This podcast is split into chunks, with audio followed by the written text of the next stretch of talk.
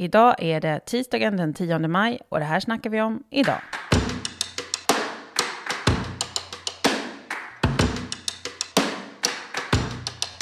I söndags var det partiledardebatt i SVT och i och med den stod det klart. Utan Vänsterpartiet finns det ingen framåtrörelse i svensk politik. Pensionerna var en av fyra frågor för debatten för första gången på länge och alla tävlar nu om vem som vill höja den mest. Det är bra.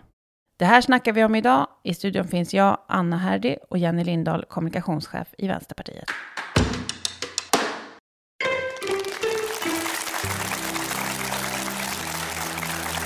Hej och mycket varmt välkomna till Agendas stora partiledardebatt. Ja, det är ju nu bara fyra månader kvar till valet och vi har ju ett eh, minst sagt eh, spännande politiskt läge. Jenny, var det verkligen så spännande med partiledardebatt? Det är ju lite spännande tycker jag hur det ska gå med pensionerna eftersom det har, det, där har vi ju verkligen öppnat upp ett nytt politiskt läge där man nu måste tydligen vinna, för att vinna val måste man höja pensionerna. Eh, och det skapar ju ett spännande läge. Och sen att Centerpartiet återigen då ställer sig liksom på en helt egen position som är politiskt omöjlig. Det blir verkligen, det, det blir som en upprepning. De hittar på sin egen idé om Ja, vad har landskapet liksom- ska vara. Här har vi det här pensionshöjningsförslaget och sen så kontrar högern med ett annat pensionshöjningsförslag och så säger Centerpartiet att För Sveriges bästa, för pensionernas bästa, så vore det bra med samarbete i mitten och hålla fast vid pensionsgruppen som har varit det som under decennier har gynnat svenska pensionärer. Och det enda man kan tänka då är pensionsgruppen har haft 20 år på sig. Vad har hänt? Ingenting. Men allt ska ändå handla om en politisk mitt Ja. som i dagsläget inte finns. nej, de ger sig inte. De, eh, de har fastnat verkligen i, i den. Eh, Men nu vet, nu vet ju ingen hur det kommer bli eftersom Centerpartiet återigen vägrar bara ta ställning till de förslag som ligger. Inte presentera något eget, utan bara presentera en, en situation som de vill ska uppstå. Ja, och att det är någon annan som ska lösa det. Det vill säga Socialdemokraterna och Moderaterna måste gå ihop Japp. Och göra något. Det vill säga inte Centerpartiet. Nej. Men sen är det ju också, det blir lite mindre spännande nästa partiledardebatt, tror jag, för att nu har vi ju sett samma trick ske eh, varje partiledardebatt, det vill säga timmar innan debatten så hittar högerpartierna på någon slags massivt komplicerat utspel utan redovisning av hur det ska genomföras eller utan siffror. Det går inte att ta ställning till, det går inte att ta reda på något. Och sen så lägger de fram det innan partiledardebatten och så måste man förhålla sig till det utan att ha någonting att gå på. Som, som man såg SVT kämpade med igår. Tycker inte de lyckades riktigt bra, för de, de försökte liksom låtsas att det fanns fakta här som de läste upp. Försökte välja någon fakta, men det där är ju inte fakta, det där är ju en partsutsaga som ingen har kunnat kontrollera än så länge. Och det blir ju också väldigt svårt för väljarna när i debatten så blir det väldigt tydligt att de som då har lagt fram förslaget om garantitillägg, Vänsterpartiet, Miljöpartiet och Socialdemokraterna säger en sak om eh, högerns förslag och högern säger en annan sak om högerns förslag. Och så hör man hur Anders Holmberg säger Det här, det här kommer ni, ursäkta, ursäkta, det här kommer ni inte kunna reda ut här och nu. Jag vill bara fråga då. Eh, jag, vet att du anser det och de anser inte det. Men vad är då poängen för väljarna om inte SVT kan på riktigt redogöra för vad som är fakta i målet? Ja, men jag tänker mig att både vi och journalisterna, de har lärt sig det här nu, att nästa partiledardebatt så kan man förutse att de kommer komma med ett sånt utspel och då kan man dels journalistiskt förhålla sig till huruvida det ska behandlas på det vis som eh, det gör nu, som att nu får det här liksom ligga till grund för debatten. Man kan ju välja att säga det här kan vi inte ta upp nu eftersom det fick vi just se, ni måste presentera förslag längre i förväg. Exakt. Och varför skriver de ihop sig om saker de knappt kan redovisa inför varje partiledardebatt? Vad är poängen med det? Man får väl anta att det är för att de skulle få svårare om det gick att kontrollera det de säger. Vi har ju, när det gäller garantipensionen till exempel, då har ju vi haft allt intresse av att det här ska granskas ordentligt. För vi har gjort ett gediget eh, arbete, underlagen, allt, allt är solitt. Det här stämmer, vi har kontrollerat varenda siffra. Och då vill vi ju att journalisterna ska granska och bekräfta det vi säger. Eh, men om man inte har gjort det utan istället försöker dra till med något för att vinna valet, då är det klart att man har ett direkt intresse. Mm. Och jag tänker också att det handlar om att de vill ju framstå som ett enat regeringsalternativ. Om man tittar på hur eh, liksom, diskussionerna på Twitter och i ekonomin ser ut nu på morgonen, så är det, de har en fördel av att de försöker bygga liksom en, en allians här som, som ska ta över mm. eh, efter åtta förlorade år. De har ju en fördel i och med att de slipper ha Centerpartiet. Det är lite belastning i det här eftersom de vägrar samarbeta på de villkor som existerar. Man får ge dem att den fördelen kommer ligga där hela valet, så mm. länge Centerpartiet inte visar färg. Mm. Men det gäller också att syna dem, tänker jag, i den meningen att vad är det ni egentligen är överens om? Nu har de kommit överens om det här pensionsförslaget som vi inte riktigt vet vad det innebär. Men vad har ni mer? Ja. Eh, Annie Lööf var ju ute och fiskade lite efter de sakerna. Vad går Ulf Kristerssons röda linjer gentemot mm. SD och Verkligen. så vidare? För det är ju det som är eh, ändå det stora som alla på andra sidan vill undvika, det vill säga ett SD i regeringsställning. Mm. Och politiskt har de ju mest mer åsikter än förslag, så att säga, gemensamt. Och där har ju i alla fall SVMP, så kan man säga, de förslag vi har lagt är ju överenskommelser som är genomarbetade. Det måste man ändå ge högen här, att de har eh, en överenskommelse om samarbete på sin sida. Det är en bra grund i alla fall. Det har inte vi. Eh, och det beror ju 100% bara på Centerpartiet. Nu tänkte jag att vi skulle prata lite om varje ämne som togs upp under eh, partiledardebatten. Och det första ämnet var ju integration. Hur, eh, hur gick det? Det var inte så mycket om integration. Det var ju om upploppen bara. Så att varför, varför rubriken är integration, det är oklart. Men det beror ju på att man då anser att våldsbrott och upplopp och brottslighet och så eh, har någonting med kultur eller genetik att göra. Precis, vi, vi fick höra från uh, Ebba Busch som sa Fadimes pappa hade ett jobb. Alltså hon, med det så vill hon säga att allt ni kommer med, det handlar om att barn ska få gå i skolan och att ja, människor ska ha ett jobb att gå till och att det bygger på något sätt ett tryggare samhälle och en, man hamnar i kriminalitet i mycket lägre grad. Därför vi har fri tillgång till oavsett föräldrarnas plånbok, till utbildning, till fritidsgårdar, till sjukvård. Det finns fantastiska möjligheter. Det finns alltså inga ursäkter att ta till sten för att mörda svensk polis när man tycker olika. Och då menar hon att det, man är ändå rutten. Ja, man är ändå rutten. Det kommer inte hjälpa hur mycket arbete, även om man har jobb, trygghet, likvärdig skolgång, alla får samma chans, man bor i blandade bostadsområden, så kommer ändå de som kommer från andra länder vara mer ruttna än de som kommer från Sverige. Det måste ju vara liksom budskapet, eller åtminstone överlag. Jag tänker att hon inte tänker varje individ då, men som ett snitt. Och det är ju, ja men vad ska man säga då? Anders Eklund hade också ett jobb. Vem var Anders Eklund? Nu det var han som mördade Engla. Jag menar, det, det, Ja, det är klart att jobb inte förhindrar alla brott eller förhindrar ondska här i världen. Men däremot så vet vi ju att jobb, utbildning, att ha likvärdiga chanser kraftigt reducerar antalet personer som eh, hamnar i brottslighet. Och den här debatten är ju inte på långa vägar över. Vad är vänsterns viktigaste argument för att stoppa den här typen av våldsbrott som, som man nu pratar om? Dels det som vi var inne på, det vill säga skola, utbildning. Det handlar ju om att om man skapar liksom jämlikhet i ett samhälle så skapar man också mindre brott och mindre utslagning och mindre segregation. Men jag tycker också att det, det där är en lätt utväg att ta. Jag menar, alla håller ju med om att det är så, till och, med, till och med rasister håller ju med i allmänhet om att det är klart att det är bättre om det är så. Men det är också ett lite väl långsiktigt svar, därför att om man har akuta problem här och nu så måste man också göra någonting åt dem. Och där tycker jag att Nooshi har bra lösning, därför att det handlar ju om materiella orsaker här också. Vi måste ju se till att alla människor känner sig som en del av eh, samhällsbygget och det gör man uppenbarligen inte. Det är klart att om det finns gängkriminella kan det ju finnas både vapen och narkotika i bakgrunden som gör att de finns där. Det finns olika förklaringar säkerligen. Det viktiga här är ju att säga att i de här områdena så är de flesta hederliga, hårt arbetande människor som försöker få vardagen att gå ihop för sig själva och sin familj. Och Det är därför det är så viktigt att de inte också ska bli utsatta för kriminella gärningar, känna sig oroliga för att eh, lämna barnet på, på skolgården eller släppa ut barnen ute på gatan. Så att det viktiga är ju att ha två saker i huvudet samtidigt. Eh, de kriminella ska bort från gatan. De ska inte utsätta de laglydiga, hederliga människorna som bor här. Och generalisera inte, utan se till att vi nu visar också respekt för alla de människor som kämpar och sliter men också bor i förorten.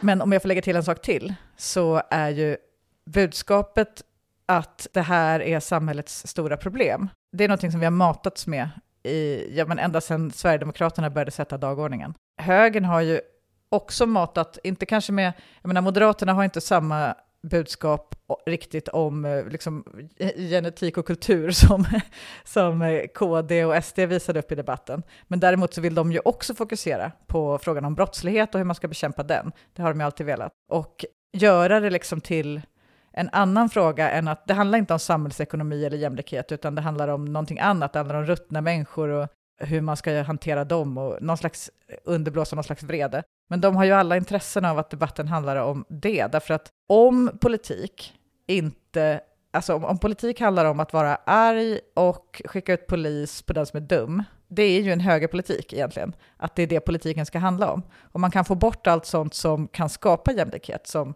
vänstersatsningar på jobb, jämlikhet, infrastruktur, utbildning, som högern inte vill ha för att det kostar skattepengar och det drabbar de som har jättemycket skattepengar. Eh, men om man då kan få debatten att handla om brott istället så är det ofarligt. Det finns inga politiska lösningar på den omedelbara brottsligheten som inte högern liksom tycker är bra. Mm.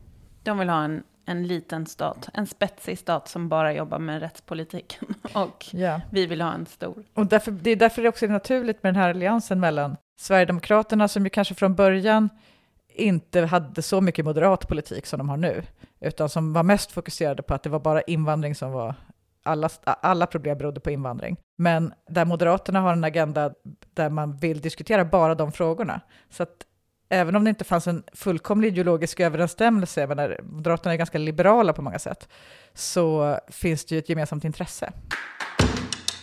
Vi ska prata ja. mer om pensionerna. Vi kan bara nämna det lite, lite kort. Orsaken till att det ser ut så här med för låga pensioner är ju att vi har haft en fantastisk utveckling i Sverige. Folk har ju då även innan pandemin vaccinerat sig. Folk dricker mindre alkohol, de röker mindre, vi lever längre, medicinsk-teknisk forskning har gått framåt. Det är ju en fantastisk utveckling. Och då måste vi se till att människor antingen sparar lite mer själva. Det är ju ett bra sätt. Det tycker Liberalerna är bra, att människor har eget ansvar.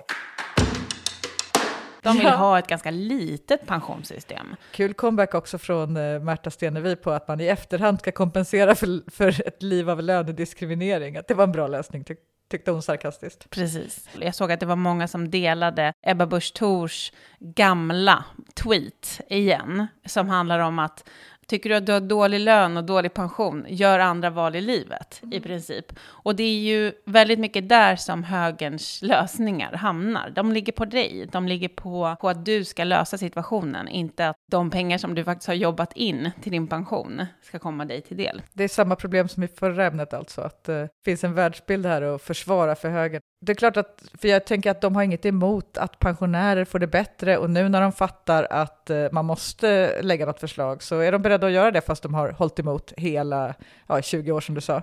Men eh, däremot så går ju själva sättet att se på politik, att det är politiken som ska lösa de här problemen, att det är ett ansvar som man måste ta i riksdagen.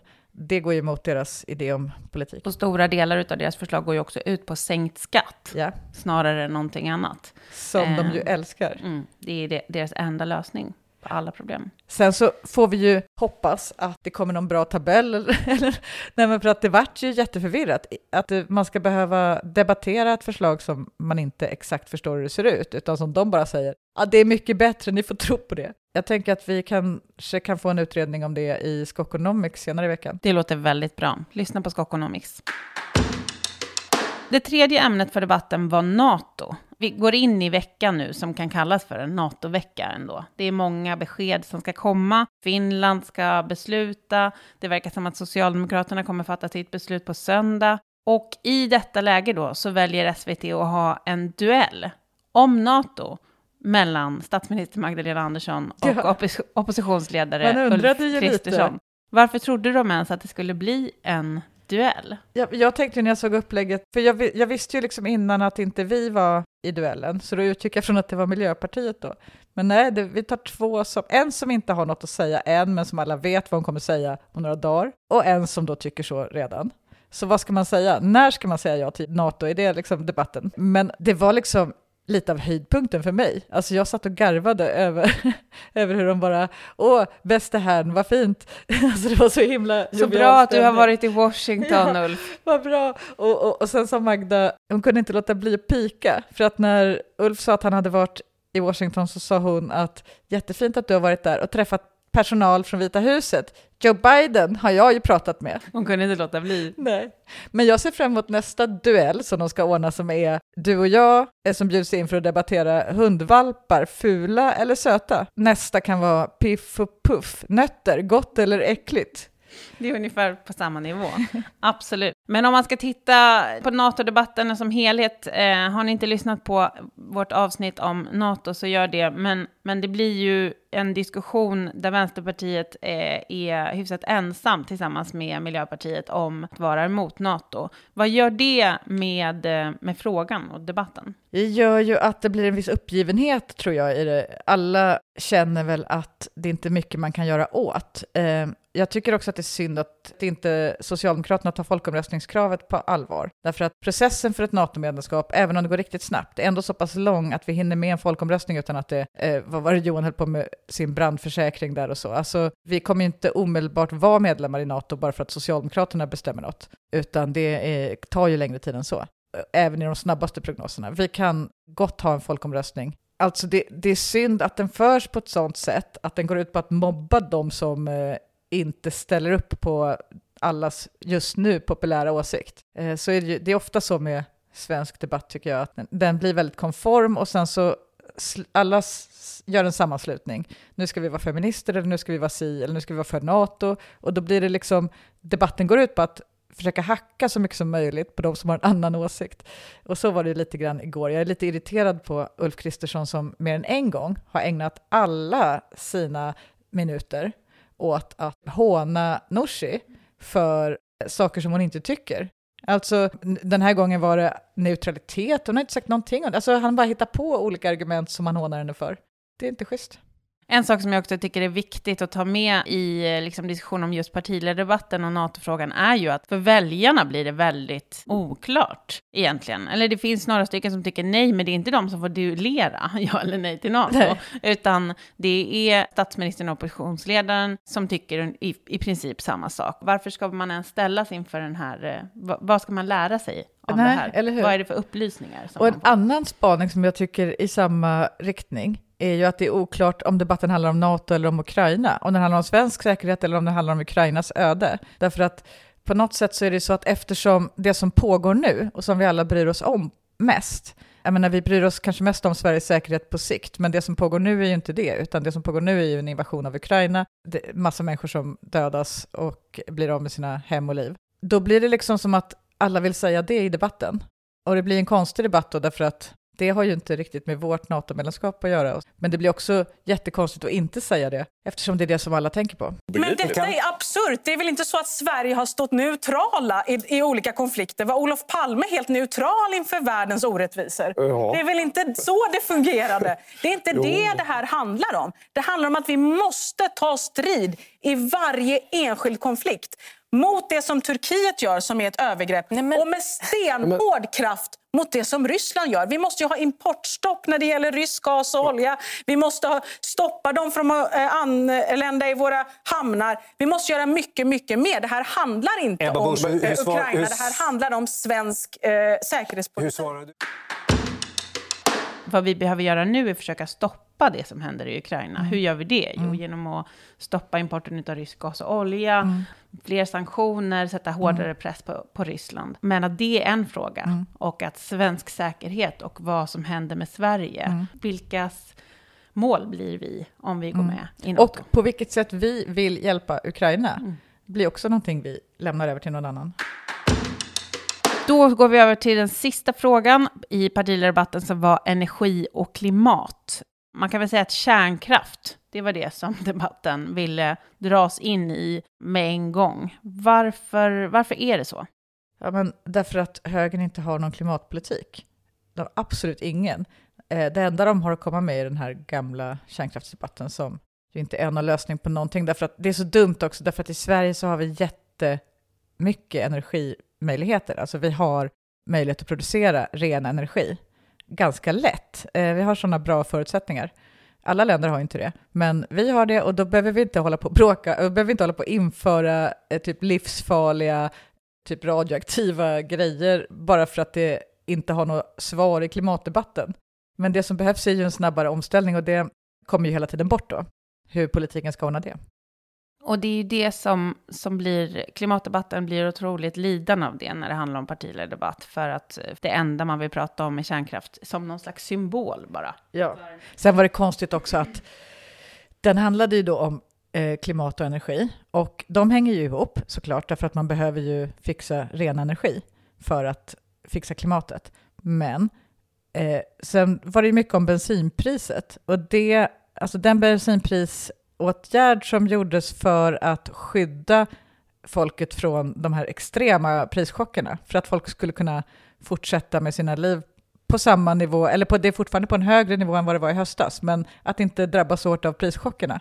För det drabbar ju verkligen den som inte har något alternativ till bilen. Men det är ju ingen klimatpolitik. Det är ju en eh, ekonomisk politik för att skydda människor med lägre inkomster från prischocker.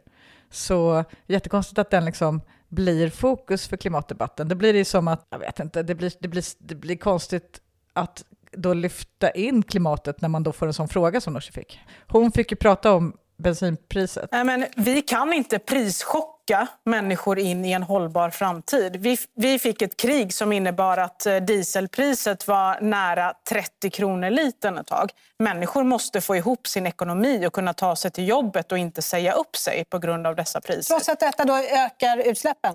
Nej, men det gör det väl inte. Utan vi dämpar ju den kraftiga höjningen. Och det är inte en bra ingång i klimatdebatten, därför att det är ett annat ämne.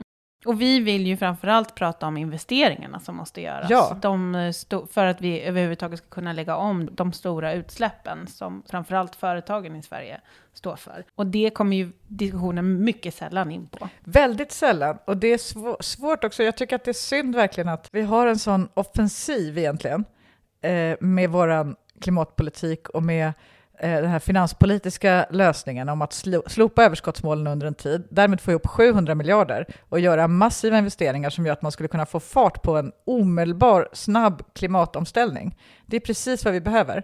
Men den kommer hela tiden bort i bensinpris eller något annat som inte har med saken att göra överhuvudtaget. Det är en helt annan fråga, därför att det är bara ett skydd mot en prischock och ingenting annat. Men den kommer in på det och så blir det, det blir som att man hör ekot av interndebatten i Vänsterpartiet på något vis. Och att jag tycker det är synd att hela vår klimatoffensiv hela tiden dränks i den debatten. Det här var en partiledardebatt mitt i valrörelsen eller i början av den, eller hur man nu kan säga. Det här är vad vi har framför oss. Vad är det viktigt att vi eh, kommer ihåg och har med oss i ryggen när vi går in i den här valrörelsen? Att vi kan sätta agendan. Vi visade ju det tydligt med pensionsfrågan den var helt död, därför att vi hade den här heliga pensionsgruppen som ingen kunde rucka. Det gick inte att diskutera, det var helt omöjligt. Och därför så har den inte diskuterats på 20 år, trots att behovet är skriande och alla vet om det. Nu har vi lyckats sätta den frågan på dagordningen och då är det vad vi pratar om i partiledardebatten. Och nu måste alla förhålla sig, alla måste höja pensionerna och hur det är valet än slutar så kommer vi få höjda pensioner tack vare Vänsterpartiet sämre eller bättre, högre eller lägre höjda pensioner, men höjda pensioner kommer garanterat bli ett resultat. Och det, alltså, allt annat åsido, så är det eh, en sån otrolig eh, seger är dumt att säga därför att det låter som att det är en seger för oss, men för det behöver inte nödvändigtvis vara, det kan bli ett annat pensionsförslag, men det är för pensionärerna, framförallt de fattigaste. Och det här är inte första gången som vi har gjort det i år, senaste året, utan vi har samma sak med sjukförsäkringen, satte vi på agendan och hela socialförsäkringssystemet. Och det, dels så genomförde vi jättemycket reformer. Vi satte det på dagordningen och det är nu en, en fråga som har stigit jättehögt bland väljarnas viktigaste frågor. Och vi gjorde det med bostadsfrågan som också har stigit efter att vi satte den på dagordningen och eh, fokuserade på, ja, det var ju marknadshyrorna då. Men eh, jag tycker det är väldigt, det här är saker som vi har med flit satt på agendan. Vi har inte sagt så här, oj, vi tar tusen olika förslag och så slänger vi ut dem och ser vad som händer, utan vi har, vi har fokuserat och vi har valt att prata om de här. Och det är massor med andra frågor som har drabbats såklart, för det finns ju massor med viktiga frågor. Men för att få genomslag, för att kunna sätta agendan, då måste man göra så här. Och eh, då lyckas man också rucka hela verkligheten. Och det ska vi vara stolta över. Idag snackade vi om partiledardebatten. Vad tycker du att vi ska prata om i kommande avsnitt? Skicka gärna in ett mejl till podd och det ska vara podd med två D med dina förslag på vad vi ska prata om nästa vecka.